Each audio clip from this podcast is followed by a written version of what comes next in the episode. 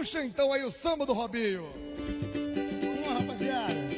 O rei da pedalada chegou, Robinho no galo, é show, é show. O rei da pedalada chegou, Robinho no galo, é show. Vi lagde ud med den nyeste sang om Rubinhos ankomst til Atletico Mineiro. Og lad os håbe, at hans præstationer står mål med musikken. Hermed siger vi velkommen til Brasser-podcasten, hvor jeg, Andreas Knudsen og Peter Arnholdt vil snakke om brasiliansk fodbold. I starten af programmet vil vi komme ind på tophistorien for Brasilien. En af de mest elskede brasilianske spillere har været i retten mod en af sine gamle klubber.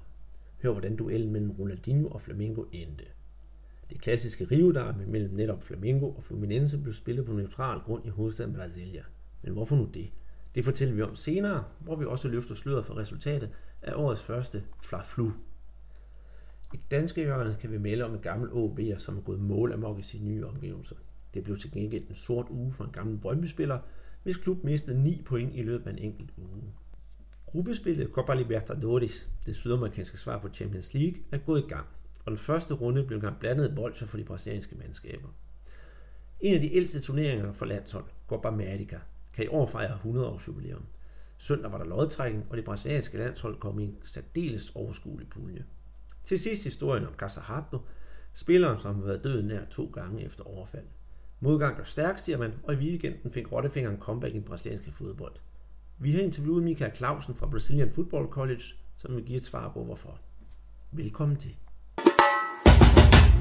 Men før vi starter rigtig op, har vi lidt breaking news. Et stykke er taget ved hovedindgangen på Arena Corinthians faldt til jorden i torsdags. Og det er ikke første gang, der har været ulykker på det kommende OL-stadion. Tilbage i 2013 og 2014 var der hele to dødsulykker. Det store stadion er vært for den kommende OL-fodboldturnering, og herfra kan vi sige til OL-holdets træner Niels Frederiksen, at han skal huske og opfordre sine spillere til at kigge op, når de spiller om de vigtige OL-point. Hvad med dig, Peter? Kigger du også op nu til fodbold? Jamen, jeg kigger altid op, når jeg spiller, og især på Arena Corinthians. Så hvis øh, der falder sådan 500 kilos beton ned i hovedet på en, så, så må, må jeg være lidt rap. Ja, det må man sige. Men herfra, der skal vi i hvert fald ønske alle spillerne held og lykke, når de kommer til Brasilien. Første punkt på programmet i dag handler om stjernen Ronaldinho. Da Ronaldinho tilbage i 2011 kom til Flamengo på en fireårig kontrakt, blev han modtaget som en frelser, der skulle få klubben tilbage i det sydamerikanske fodboldelite. Men hvad der skulle have været et skub for klubben, har nu vist sig at være en dyr fornøjelse. Efter halvandet år med succeser begyndte fundamentet at vakle, da Flamengo og agentfirmaet Traffic røg totterne på hinanden. Beskyldninger om, om manglende lønudbetalinger med videre fik Ronaldinho til at forlade klubben med et søgsmål på ca. 120 millioner danske kroner. Efter 3,5 års tårtrækkeri er sagen nu afsluttet, og Flamengo skal af med 28 millioner kroner erstatning til en tidligere topspiller. Det er nogle svimlende beløb, der kommer på bordet her, Peter. Men tror du, det får konsekvenser for Rio-klubben? Mm, nej, det er selvfølgelig rigtig, rigtig mange penge, de skal, de skal aflevere. Øh, men de har jo kalkuleret med det et eller andet sted, at, at de nok ville tage den der retssag til, til Ronaldinho. Det var således, at Traffic og Flamengo, de indgik en aftale, hvor de hver skulle øh, betale 50% af Ronaldinhos løn. Men uh, Traffic, de, de trak sig så ud af, af den der ordning på grund af manglende res- resultater fra Ronaldinhos uh, side. Så at de skulle slække nogle penge, det tror jeg ikke er nogen overraskelse fra, for Flamingos ledelse. Nej, og det hele var jo sådan lidt en, en, en spejet affære, øh, da klubben dengang også havde andre problemer, og, og jeg ved, at direktøren på det tidspunkt, en kvinde ved navn Patricia Amorin, hun ikke kunne styre klubben overhovedet, og fik nu en kæmpe gæld, og Ronaldinho-sagen var jo en af dem. Og så vidt jeg også husker, så husker jeg selvfølgelig nogle af kampene, og det der jeg husker bedst, det er selvfølgelig den berømte 5-4 kamp mod Santos og Neymar, men derudover synes jeg ikke, at han høstede de vildeste succeser i klubben. Der skete så også det, at, at han opsag, eller de opsagde kontrakten. Ronaldinho han tog så videre til øh, Atletico Mineiro, som er, er min klub. Så jeg har haft fornøjelsen at have Ronaldinho gående i min, min baghave. Øh, jeg var nærmest fast inventar på Arena Independencia, hvor Atletico spiller deres hjemmekamp. Og det var en, en Ronaldinho, som var, var spillelysten, og han havde lyst til at, at komme ovenpå igen efter den der lidt kedelige øh, tur. Det gik jo også rigtig godt i Atletico for, for Ronaldinho, som øh, førte klubben frem til øh, øh, Copa Libertadores-mesterskabet. Jeg husker blandt andet finalen, hvor de spiller hjemme mod Olympia fra Paraguay. Og det skulle have tabt det første kamp 2-0 på udebane, og de skulle så hente det hele på, på, på egen bane. Atleticos træner Kuka på det tidspunkt var helt op at køre og stod og råbte og skreg ud fra sidelinjen. Og Ronaldinho han satte ham stille og roligt på plads. Nærmest sådan, med sådan en gestus fortalte ham, at nu skulle han sætte sig ned, fordi det inde på banen, det skulle Ronaldinho nok selv styre. Og hvad skete der? De fik øh, scoret til 1-0, og 6 minutter før tid øh, scorede de så til, øh, til 2-0. Og det betød, at det hele blev afgjort på straffespark. Og der blev Atletico, det var, der kom de øh, bedst ud af den.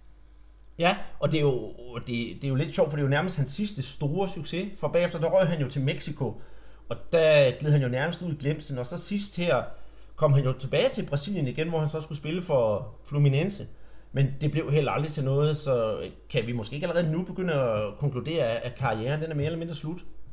Han har i hvert fald ikke spillet siden januar måned. Det er rigtigt, at de opløste kontrakten Fluminense og Ronaldinho, men den var ikke mere opløst, end at han spillede med i et par opvisningskampe i januar, øh, hvor at øh, Fluminense var på turné i USA. Med til historien øh, med, med kontrakten øh, med Fluminense, der, der er faktisk en lille, lille sjov historie. Det er således, at øh, Ronaldinhos, der hvor han boede, hans lille palads, der hvor han havde lejet sig ind, Øh, det gav nogle problemer for, for naboejendommen, fordi der var, var simpelthen for meget øh, larm og støj fra Ronaldinhos fester. Så det betød, at en, en serie, populær serie her i Brasilien, der hedder Mr. Brown, de havde problemer med at, at lave optagelser på visse tidspunkter af dagen, fordi der simpelthen var for, for meget samba-musik fra Ronaldinhos øh, side. Så han er ikke længere i Fluminense, og det er dem, der kører serien Mr. Brown, rigtig glade for. Ja, ja. Måske han ender i USA, ligesom alle de andre. Hvem ved? Når man så har snakket om de to klubber, Flamengo og Fluminense, kan vi næppe komme udenom, at de har spillet derby her i weekenden. Personligt sad jeg og så kampen søndag aften, og var svært tilfreds, da Flamengo hævde en pæn 2-1 sejr hjem over et svagt spillende Fluminense uden farlig Fred. Jeg ved, du har ikke set kampen, Peter, men du ved udmærket godt, hvad sådan en klassiker vil sige. Ja, det betyder rigtig meget vinde derby. Og det er årets første, derby, og kommer man ud af det med en, med en sejr, så er der lidt mere ro på, på bagsmækken. Og det er også, øh, Flamengo har fået ny træner i Muricy Ramalho, øh, som tidligere har været faktisk mestertræner for, for Fluminense. Så for ham så var det også vigtigt at, at komme fra, fra land med en sejr i den her Fla-Flu Classico. Ja, og selvom, selvom kampen ikke blev spillet på hjemmebanen Maracanã, men var henlagt til øh, Estadio Manangarrincha, i øh, Brasilia, så havde det faktisk sådan en rigtig, rigtig derby over sig. Der var øh, blandt andet hele tre røde kort, og så på et tidspunkt, så blev regnet spillet i en monsum af en anden verden. Så det var sådan en tæt fightet kamp, og en lille smule beskidt. Så det var faktisk noget, jeg egentlig rigtig godt kunne lide, og blev virkelig underholdt faktisk for en gang skyld. For mange af de der kampe kan godt være en smule træge, og lever aldrig rigtig op til det, de egentlig burde. Og det så også pænt ud på tilskuerpladserne, hvad jeg kunne kunne se. Ja, det er faktisk også rigtig interessant, for Brasilia ligger jo små 1500 km væk fra Rio, men alligevel så formår Flamengo især at trække en ordentlig tilskuerskar til. Men øhm, nu når vi snakker om de der underlige stadion, som ingen spiller på, og alligevel folk spiller på, vi har jo selv snakket om, de tidligere blev kaldt for de hvide elefanter. Er det egentlig stadigvæk det? Ja, det er det. Et stadion som, som, som det i Brasilia, der blev brugt rigtig mange penge på at få det renoveret med henblik på VM slutrunden i 2014. Og bebyggede jo også et kæmpe prestigeprojekt i uh, Manaus, som, som ligger ude i, i Amazon-junglen. Uh, og de fleste kan vel huske en kamp der mellem England og Italien, og Italien hvor græsset ikke rigtig så ud som om, at, det var, var, var ordentligt uh, sømmet fast, gå til at sige. Men det er et problem, når man lægger de her prestige øh, i, i nogle steder, som ikke rigtig har elitefodbold.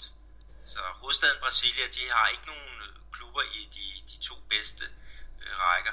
Og de er måske mest kendt for, at, at Romarios søn Romarinho, han spillede der i, i, i klubben Brasiliense i, i et halvt års tid på en lejeaftale. Han scorede faktisk en kamp, og Romario, som, som du i hvert fald kender, det han arbejder jo i, i byen. Brasilia, hvor han sidder i, i parlamentet.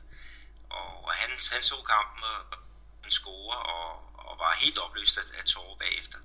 Ja, men, men også med de arenaer, så ved jeg, at det er lidt også en forretning for klubberne. Fordi de bliver betalt for at komme ud og spille på de der forskellige stadions. Så klubberne siger jo mange gange ja tak til at komme derud. Og jeg ved også, at øh, Modici Hamaljo efter sejren her sagde, at han glæder sig til fremover måske at skulle spille på Estadio Manu Garrincha, da Maracanã snart lukker ned for OL. Vi skal også tage, tage med, at øh, kampprogrammet i Brasilien, det er tæt tæt. Så det er mange penge, at en øh, carioca, altså en beboer fra Rio, skal rive op af lommen månedsbasis for at se øh, sin favoritklub.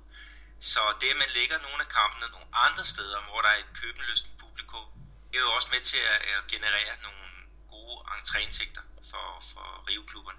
Jamen det er det nemlig, og de spillede jo også Flamengo tidligere lidt opvarmningsturnering oppe i Nordøstbrasilien, hvor de spillede på Arena das Dunas i Fortaleza, som også er et af de der stadion, som bare står uden at blive brugt til noget.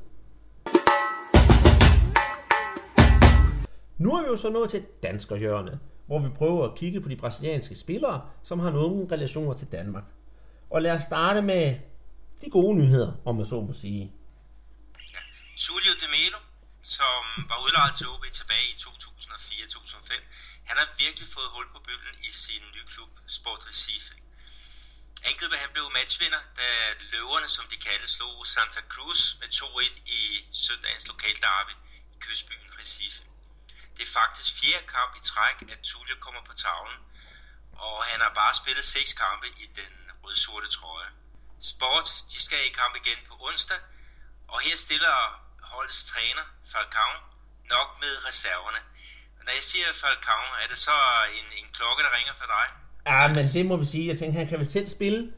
Altså, for mig, der snakker vi om uh, verdens bedste midtbane. Længere er det ikke. 1982. Falcao, Zico og Eda. Kan man få noget bedre? Nej, nej.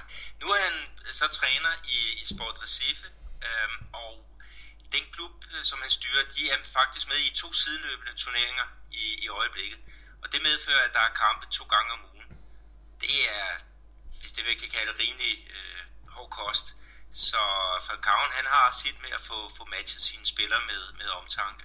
En anden øh, tidligere øh, kending af dansk fodbold, Bruno Badata, som spillede i, i Brøndby tilbage i 2010-2011, havde en rigtig sort uge. Hans klub øh, Londrina tabte med 2-1 til Rio Branco, som øh, ellers stod noteret for et rundt 0 på pointskontoen inden søndagens match. Men det var ikke det værste for, for Bruno. Hans klub er nemlig blevet fratrukket 6 point for brugen af en ulovlig spiller. Så Batata og Company de råd fra en del førsteplads og helt ned på 8. pladsen ud af de 12 hold. Der er nu masser at spille om, fordi at øh, efter det her grundspil, så er der de otte bedste hold, der går videre til slutspillet og mesterskabet i staten Paraná. Bruno Batata, eller Kartoffel, han har haft en, en god succes i, i Londrina. Øh, han har scoret tre mål indtil videre, og det giver ham et tredjepladsen på topscorerlisten efter fem runder. Øh, den gamle FCK-kæmpe Cesar Santin, han bliver ikke rigtig brugt i Amore, og jeg er faktisk ikke klar over, om han er skadet, eller om, om træneren øh, simpelthen ikke vurderer, at han er, han er dygtig nok. Men han, han øh, var i hvert fald heller ikke på bænken her i, i weekenden. Kajke, som, som du har styr på. Det kan du tro, jeg har. Øhm, Kajke, han er altså stadigvæk skadet, og det eneste, vi egentlig ser til ham for tiden, det er, at han træner og lægger billeder op af sit barn på Facebook. Så vi må vente og se. Men hvis alt går vel, også herfra, så håber jeg, at vi kan skaffe et lille interview med ham. Og efter sine skulle han stadigvæk tale lidt dansk. Men nu må vi se, det er jo Brasilien, vi har mere at gøre. Og en ting, man ved der, det er, at ingenting er sikkert.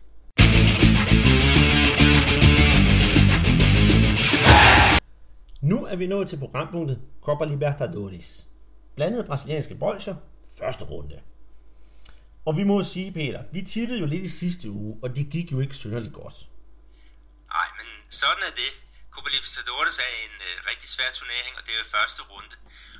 Og øh, jeg har måske heller ikke helt 100% overblikket over, over alle klubberne. Specielt Ej. dem uden for Brasilien. Nej, det kan faktisk godt være svært at følge med i.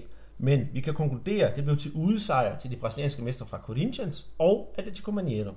Corinthians, som har mistet en lille håndfuld spillere fra sidste års succeshold, de fik jo 1-0 med hjem fra besøget mod chilenske Copa de Sal, mens Rubinos nye klub Atletico besejrede Melgar fra Peru med 2-1. Hvad har du nyt om Rubinho? Men Rubinho, han skulle få sin debut her i aften, hvor at øh, konge husmandsvinden, som han øh, populært kaldes øh, hernede, øh, han, han skulle starte inde på venstre, angrebs, ja, venstre angrebsside mod Independiente del Valle fra Ecuador. Selve Rubinhos ankomst, det har jo skabt en voldsom interesse for, for den her fodboldkamp. Og den, er, den bliver spillet på det lille stadion i den her by, Belo Horizonte, Arena Independencia, hvor der kun er plads til 24.000. Men de kunne have solgt, øh, de kunne have solgt 4-5 gange så, så mange billetter. Så mange fans hernede, de er begyndt at, at, at lave nogle underskriftsindsamlinger for at få flyttet de kommende kampe, kommende hjemmekampe til det store stadion øh, her i byen Mineron, som kan rumme over 60.000 tilskuere. Men der er, der er Rubinho-feber hernede. Ah, Jamen, det lyder spændende. Hvis vi rykker lidt længere sydpå, så kommer vi til São Paulo.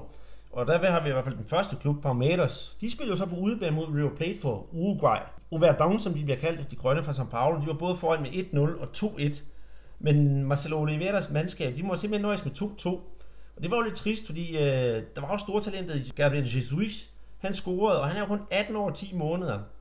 Dermed blev han den yngste målscorer i den fornemmeste turnering i Sydamerika. Peter, men det er ikke noget med, at han er, han er ikke den yngste overhovedet, er han det? Nej, den yngste øh, brasilianer til at score i Copa Libertadores, altså, det er faktisk øh, god gamle Ronaldo, som jo hernede bliver kaldt O Fenômeno. Vi skal tilbage til 1994, hvor han spillede for Cruzeiro, og der scorede han i, i et kamp mellem øh, Cruzeiro og Vélez Sarsfield på, på Mineirão. Øh, på det tidspunkt, der var han bare 17 år og, og 5 måneder. Så han har stadigvæk øh, rekorden. For São Paulo gik det anderledes værre. Klubben har mistet Alexandre Pato og Luis Fabiano. De tabte hjemme 1-0 til bolivianske The Strongest. Og den er sgu svær at reparere. The Strongest er svær at besejre på udebane i højden La Paz. Og to kampe mod de forsvarende Libertadores-mester fra River Plate, Argentina. Ja, det lugter sgu heller ikke af mange point. Hvad siger du, Peter? Vi, altså, jeg sagde jo selv, at de skulle nok klare sig, men øh, efter, den, efter det nederlag her, så kan jeg godt begynde at være lidt i tvivl. Ja, de får, får store problemer, og det er først og fremmest målscoringen, som det, de, øh, ja, det er en målscore, de skal, skal lede efter. De har en, en øh, giftig afslutter en, der hedder Alan Kardec, men han har faktisk været noget skadet i, i hele hans periode i, i São Paulo, så han skal, skal op i omdrejninger.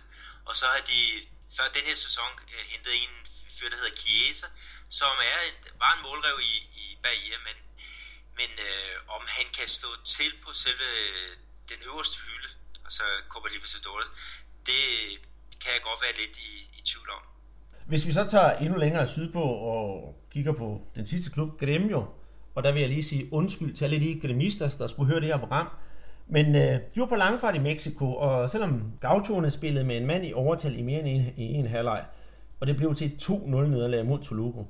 Kampen blev selvfølgelig spillet i mere end 2,5 km højde, og højdekortet blev nok det, der bliver trukket, når man skal bortforklare det nederlag.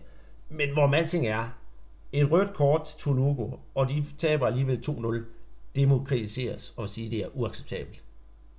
Ja, det var, det var ikke den bedste start, øh, og det der højdekort, og bruge det så som undskyldning. Man må bare sige, at øh, i samme pulje, der venter der en udkamp mod øh, LDU Quito, som er, hvis hjemmebane ligger endnu højere end, end øh, den i øh, Tulu. De skal virkelig stramme sig an. De skal spille øh, nogle hjemmekampe her, og øh, der skal bare point ind på, på kontoen. Næste programpunkt hedder selvfølgelig Copa America. I søndags blev der trukket lod til dettes udgave af Copa America, som i år foregår i USA. Copa America har gennem de sidste 100 år haft mange former og på et tidspunkt kun for de sydamerikanske lande. Men et samarbejde mellem Nord- og Sydamerika har nu gjort, at Comebol og CONCACAF nu sammen afholder en jubilæumsudgave af turneringen, som de kalder Copa America Centenario. Turneringen er så udvidet, så den består af 16 hold. Så der er de 10 sydamerikanske hold med, og så er der seks inviterede lande, så vi når op på en fornuftig struktur med fire pulje med fire hold. Skal vi snakke lidt om grupperne og hvem der går videre, Peter? Jamen lad os gøre det. Hvis vi kigger på gruppe A, så består den af USA, Colombia, Costa Rica og Paraguay. Og det vil jeg umiddelbart vurdere som nok er en af de sværeste grupper. Jeg har USA og Colombia på, på de to pladser, som, som øh, betyder, at man går videre til, til knockout-fasen. Costa Rica, de gjorde det jo rigtig fint ved VM i Brasilien i 2014, men, men øh, ved ikke rigtigt, hvad, hvad de kommer med. Og Paraguay har, har også snakket noget om, de måske vil stille med et 23-hold i, i den her turnering. Så, så umiddelbart så, så vil jeg skyde på USA og Colombia som de to hold videre. Ja, Hvad siger du? Jamen, det, jeg, jeg er faktisk enig, og, og, og man har jo ikke rigtig hørt noget fra Costa Rica siden deres charmerende fodbold i 2014. Og Paraguay, jamen, jeg kender sådan set kun de spillere, der spiller i Brasilien, så jamen, jeg hopper sgu også på USA, USA og Colombia. Hvis jeg så kigger på gruppe B, som jo efterhånden nok er den nemmeste, der har vi jo så Brasilien. Og dem kan vi ikke undgå at sige, de er jo favoritter lige meget hvad. De spiller så mod Ecuador, Haiti og Peru. Og haitiansk fodbold, det siger mig ikke ret meget. Til gengæld Peru og Ecuador kender jeg lidt til. Og personligt, der sætter jeg så, at dem, der går videre, det skulle være Brasilien selvfølgelig og Ecuador. Hvad siger du til det? Den er jeg helt enig i. Ecuador har jo haft en forrygende øh, start her på kvalkampene til øh, VM i, i Rusland. Og øh, de har fire sejre ud af fire mulige i den sydamerikanske VM-kvalpulje. Så jeg tror, de går videre sammen med Brasilien. Hvis vi går videre til gruppe C, der har vi Mexico, vi har Uruguay, vi har Jamaica og vi har Venezuela. Øh, hvad er din vurdering af de fire hold her? Ja, altså skal vi ikke sige med det samme afskrive Jamaica, medmindre de laver en eller anden super overraskelse. Og Venezuela, jamen øh, de har ikke fået point i VM-kvalen endnu, så skal vi ikke sige Mexico og Uruguay, og det er jo også to gode turneringshold, det plejer det at være. Ja. Vi kan så også lige sige, at i Venezuela, der er der jo kæmpe øh, økonomiske problemer. Så spørgsmålet er, om de overhovedet har plads til og der har penge til at sende et, et hold afsted. Men øh, må ikke de kommer med et eller andet, om så de skal tage bussen. Jamen sikkert. Sidste gruppe, det er gruppe D, hvor vi har Argentina, Chile, Panama og Bolivia. Øhm, ja, den minder, jeg synes, den minder ufattelig meget om gruppe C. Panama, det er fuldstændig uskrevet blad i fodboldhistorien. Og Bolivia, ja, jo, de har jo et par enkelte spillere, der lige stikker op i ny og næ. Så jeg holder mig til Argentina selvfølgelig, og mestrene for Chile. Så er det det, vi skal sige? Chi, chi, chi. Vi kan også lige tage med, at, at Chile, som du fortalte, de er jo forsvarende mester. De øh, var værter for turneringen sidste år, og de finale besejrede faktisk øh, Argentina øh, efter straffespark. Så her har vi mulighed for en lille, lille øh, revanche fra, fra kampen sidste år. Øh, der bliver der er i Brasilien august måned. Og hvad gør de lande, som, som skal deltage i OL, og som også skal deltage i den her Copa America? Jamen, øh, jeg, jeg tror, det handler om prioriteringer for de forskellige lande. Altså, hvis man ser det, stikker det fuldstændig lige ud, så Brasilien har jo flere gange vundet Copa America, men de har aldrig nogensinde vundet et OL i fodbold. Og hvis der er noget, brasilianerne hungrer efter, så er det at vinde et OL i fodbold, og så endda på hjemmebane. Så jeg tror, at øh, vi får Neymar set til OL, og så får vi ufarlige Fred at se til Copa America. Ja, jeg tror, øh, at ufarlige Fred, han er færdig i, i landsholdsregi, men øh, Brasilien har jo et øh, væld af meget, meget dygtige spillere, og, og de, de kommer til at stille et slagkraftigt hold, uanset om Neymar er, er med eller ej. Hvis vi kigger lidt på, på OL, så er det jo Brasilien, der er født deltager, øhm, og så har vi Argentina, Mexico, som også er, er med i den her turnering. Og det sidste øh, hold, der er nemlig en, en, øh, en modstander, der, der mangler, en deltager, der mangler til turneringen. Og det er enten Uruguay eller USA, som i marts måned skal spille øh, to kvalkampe om den sidste øh, ledige plads. Er således øh, lande, der deltager ved OL på herresiden. Og øh, vi er jo så heldige, at vi har Danmark øh, med, men øh, der er lige en ledig plads, og det bliver altså en Uruguay eller USA. Jamen det bliver rigtig spændende. Øhm, også netop det der med, hvor meget det vil ligge i turneringen. Om det, om det er den ene eller den anden, der skal spilles for. Jeg ved simpelthen ikke. Men øh, det bliver spændende at se, og om ikke andet, så kan vi glæde os til en masse syd- og mellemamerikansk fodbold her i sommerferien? Vi skal lige have med, at uh, turneringen starter den 3. juni, og der er finale den 26. juni, som bliver spillet på MetLife Stadium i New Jersey. Og her der er der plads til et godt 80.000 tilskuere. Og med amerikanernes uh, trang til at, at være med til nogle, nogle finaler, så, så tror jeg sgu nok, der skal blive fuldt udsolgt. Jamen det tror jeg helt bestemt.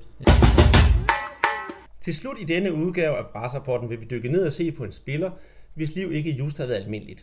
Det drejer sig nemlig om Flavio Augusto do Nascimento, bedre kendt som Flavio Casahato, rottefingeren. Bortset fra en enkelt sæson i kroatiske NK Omis, har han spillet hele sin karriere i Brasilien og er pt. at finde i Guarani, som spiller i den tredje bedste række. Sit store gennembrud fik han i den nordøstbrasilianske klub Santa Cruz, og vi har i dagens anledning allieret os med Michael Clausen fra Brazilian Football College, som fortæller os lidt om Casahato og hans dramatiske liv. Men først, velkommen til Michael. Jo, tak.